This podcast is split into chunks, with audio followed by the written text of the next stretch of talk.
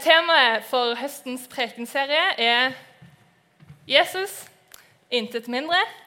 Og det håper jeg at dere har fått med dere. Eh, meg og Simon eh, vi hadde en roadtrip til Grimstad en gang i august. Eh, der vi liksom hadde en liten sånn brifing om eh, hva eh, temaet for høsten skulle være, og litt om liksom, hva vi skulle snakke om hver fredag.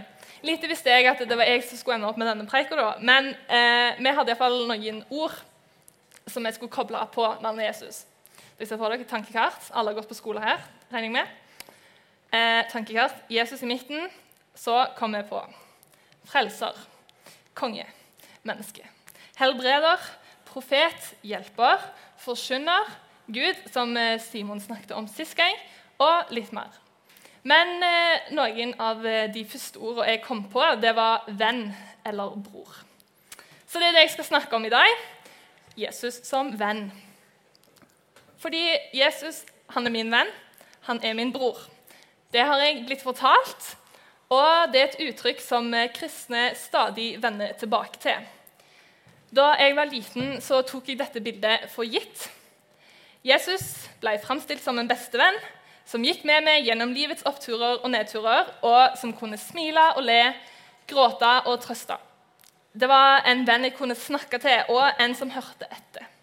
Vi ble fortalt fortellinger om den eh, gode gjeteren og om Jesus som spør Bartimeus hva vil du jeg skal gjøre for deg. Vi hørte hvor snill Jesus var, og hvor god han var med barna, de syke og de andre utstøtte i samfunnet. Etter hvert som jeg ble eldre, så stilte jeg stadig flere spørsmål. Påstanden om at Jesus er min venn, ble ganske grundig testa. Vennskap er vanskelig nok når det er en person som faktisk finnes, når eh, man kan snakke med dem og være med dem på ekte. Og jeg har funnet ut at relasjoner det er ikke så enkelt som Maria på seks år trodde. Det er kanskje flere her som kjenner seg igjen i det. Og ja, jeg vet at Jesus er med meg gjennom alt, og at han kan le og grine og trøste og alt det der. Men han skiller seg likevel ut fra de andre vennene mine av flere åpenbare grunner. Dette med at han er Gud og sånn, og levde for 2000 år siden, blant annet. Og jeg opplever det veldig vanskelig av og til å forstå han da. Og det kan være veldig vanskelig å være venn med han og det å snakke med han og sånn. Eh, ja, for på mange måter så er han jo egentlig bare en person som jeg har lest om og hørt om.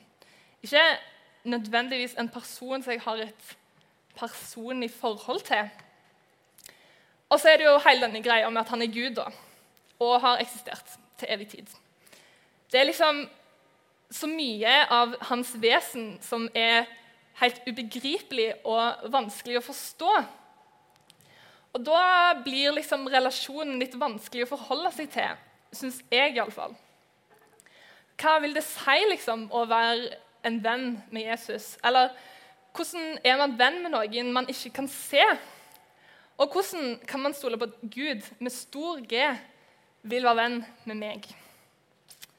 Det er kanskje det letteste svaret å svare, nei, spørsmålet å svare på. Fordi jeg opplever det i hvert fall ganske sikkert eh, at eh, Jesus ønsker å være venn med meg. Og jeg tror at han vil være venn med oss alle sammen. Hele Bibelen er egentlig en stor fortelling som handler om dette. her. Om eh, hvordan Gud skapte mennesket i sitt bilde, for så å miste dem til synden, og deretter sende sin egen sønn til døden fordi han ønsker å gjenopprette denne personlige relasjonen til oss mennesker. Bibelen er gjennomsyra av kjærlighetserklæringer og løfter om en trofast herre og far. Selv etter at Jesus døde, sto opp igjen og for til himmelen, så fikk disiplene og alle kristne Den hellige ånd. Et løfte om at Gud er med oss alle dager inn til verdens ende. Så for meg iallfall, så hvis man validerer Bibelen og tenker at den er sann, og sånn, så er det lett å forstå at Gud ønsker å være venn med oss, da, syns jeg. Jesus han levde sitt liv her på jorda, i vennskap og i kontakt med andre mennesker. Han hadde tolv disipler, men han møtte sikkert flere hundretusenvis av mennesker i løpet av sitt liv. Og I det vi leser i Bibelen, så viser han både med handling og ord hvor god han er, og hvor stor kjærlighet han har for oss mennesker. Jesus søkte etter vennskap og relasjoner, ekte relasjoner til menneskene. Og han ønsket at vi mennesker skulle få ha en ekte relasjon til Gud. Det er bl.a. dette her Jesus kritiserer fariseerne litt for. Og Fariseerne er da disse jødene som levde på Jesus' i tid, som fulgte Moseloven veldig strengt, eh, og gjerne så litt ned på de som ikke klarte det. De fokuserte på loven og skriftene framfor relasjonen til Gud. Og Handlingene deres var bra i seg sjøl, men de ble ikke gjort av kjærlighet til Gud. Et, men det var et ønske om å heve seg sjøl over andre. Og Jesus han ønsket at vi skulle ha en relasjon til han da, og Gud. At vi skulle leve et liv for han i kjærlighet. Ikke fordi vi følte vi måtte det. da. Så på samme måte som vi kan ha en relasjon til Jesus, så hadde han òg en ganske dyp relasjon til Gud mens han var her på jorda. Han ba til Gud, bl.a. for oss kristne og mennesker. Han ba om at på samme måte som Gud var i Jesus, skulle òg Jesus kunne være i oss. Og han sier faktisk helt tydelig at han ønsker at vi skal være der han er og at Guds kjærlighet skal være i oss. Jeg leser fra Johannes 17, som da er et utdrag av denne bønnen. Til Gud fra Jesus.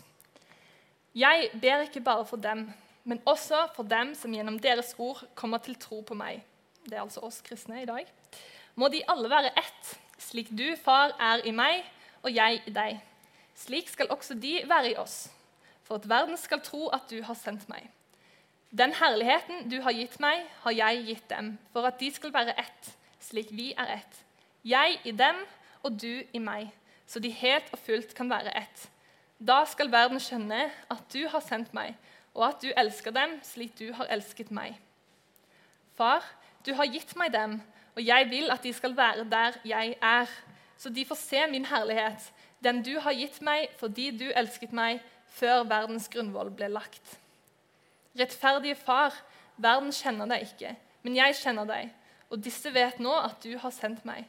Jeg har gjort ditt navn kjent for dem, og jeg skal fortsatt gjøre det, for at den kjærlighet du har hatt til meg, kan være i dem, og jeg selv kan være i dem.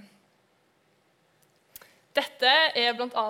et eksempel som tydeliggjør at Jesus ønsker en relasjon til oss.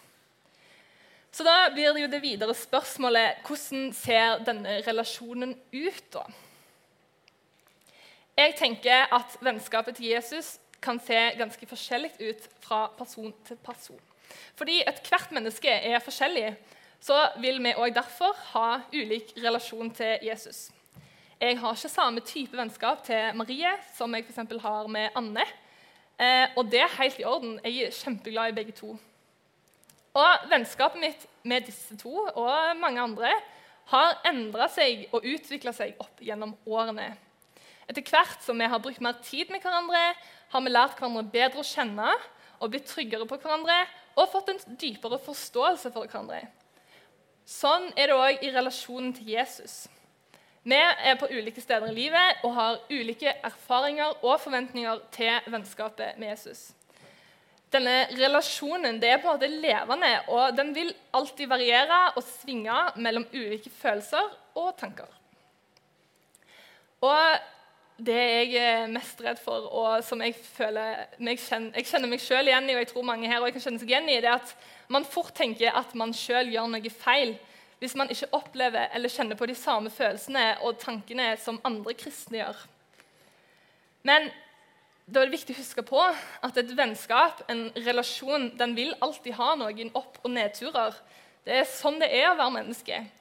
Og forhåpentligvis så vil disse nedturene, og for så vidt oppturene òg, være med å styrke forholdet til Jesus og kanskje lære deg noe nytt om han eller deg sjøl eller livet eller noe helt annet. Og jeg tenker Det er viktig at vi åpner for at dette er en prosess Sånn at man ikke sammenligner sin egen relasjon til Jesus med andre sin. Da tror jeg at det er et godt grunnlag eh, for et godt og trygt vennskap eh, med Jesus.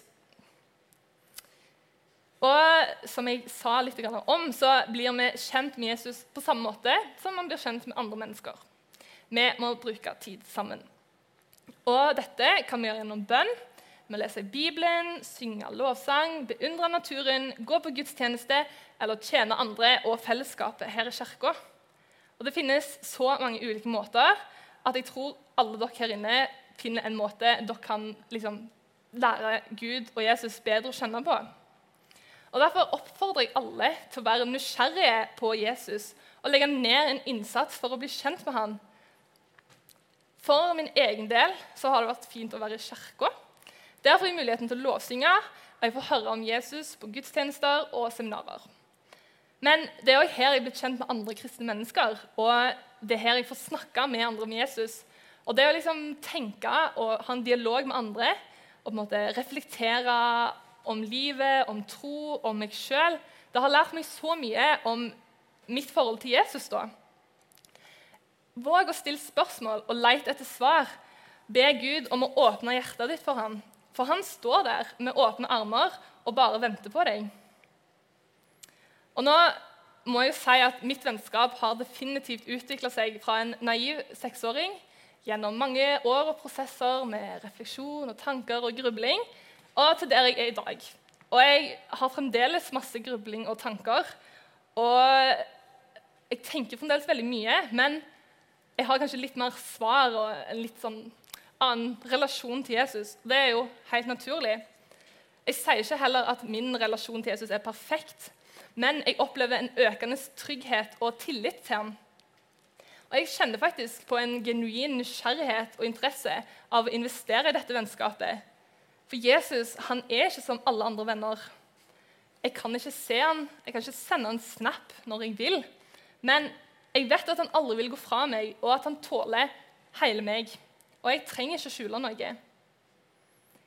Jesus har gjort noe helt spesielt. Han har gitt oss tilgang til Gud på et personlig nivå. Gud, liksom. Og det at han er vår venn, er jo helt utrolig. Men i tillegg så er han så sykt mye mer. Gud har ingen svakheter, og han vil aldri svikte deg. Han er Gud, og han elsker deg. Han vil alltid være nær, og dette er løfter som han holder. Gud sendte Jesus for å vise sin kjærlighet til oss, og det er her en ekte, ufeilbarlig kjærlighet. Han sendte Jesus for å dø på korset for at hans relasjon til oss skulle kunne gjenopprettes. For som det står i Johannes 15, 13, ingen har større kjærlighet enn den som gir livet for vennene sine. Og det var det jeg ville si i dag. Amen, sier jeg.